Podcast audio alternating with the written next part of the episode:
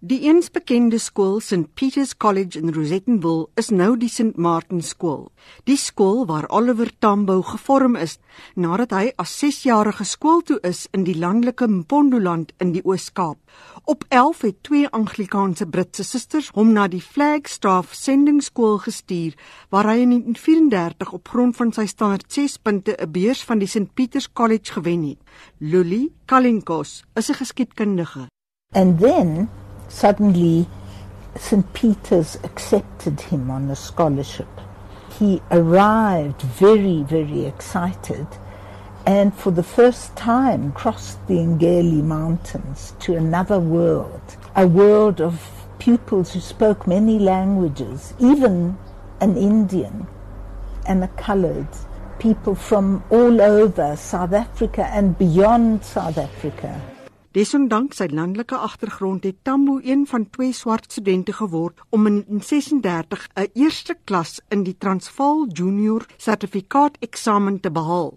Die hoof van St Martins, James Walsh, sê Tambo was 'n uitnemende student. But it was difficult for a rural boy to come into what was basically an urban environment. He settled in, he did well. The students at that time wrote the exams of the Joint Matriculation Board, which were the premier exams written by the white private schools. And that was a tough thing too, because it wasn't a departmental exam, it was a, an exam that was you know, considered to be the, as it were, the Rolls Royce. And he prospered.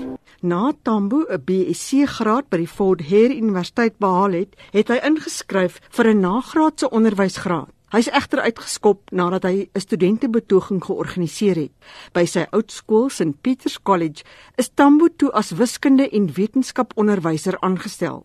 'n Voormalige kameraad en ook aangeklaagde by die Rivonia saak, Andrew Mlangeni, sê Tambo het hom polities bewus gemaak by die skool.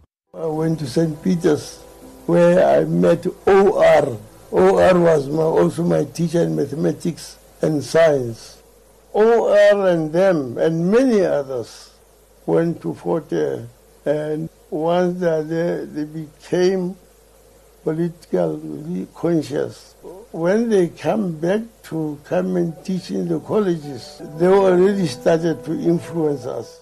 Intussen het Tambo 'n regsgraad in 1951 verwerf en 'n kantoor saam met Nelson Mandela begin. Maar in 1960 het politiek hom in ballingskap gedwing. Met sy terugkeer na Suid-Afrika in 1991 is Tambo met oop arms by sy alma mater ontvang. Die hoof Walsh onthou Tambo en sy vriend aartsbiskop Trevor Huddleston se besoek. It was freezing cold day. We even had a fire in my office in the fireplace. We haven't had one since. These were two old gentlemen that, sitting there chatting. They then went for a walk around the school. They looked at the school library, which had been the community of their resurrections, the priests' precinct, their library, where they did their reflection and meditations and so on. And they talked to students at the time, they talked to some of the workers.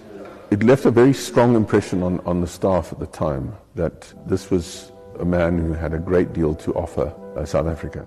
Oor Tambo se nalatenskap leef by St Martins. 'n Matrikulant, Kiora Nigrin, sê Tambo se werk inspireer leerders tot vandag.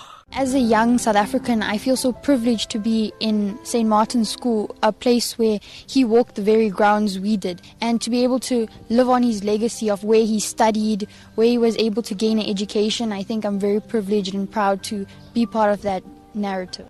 Kiora Nigran, 'n matrikulant aan St Martin Skool waar Tambo ook skool gegaan het. Hierdie verslag is deur Nouma Bolani saamgestel. Mitsi van der Merwe, SAK nuus.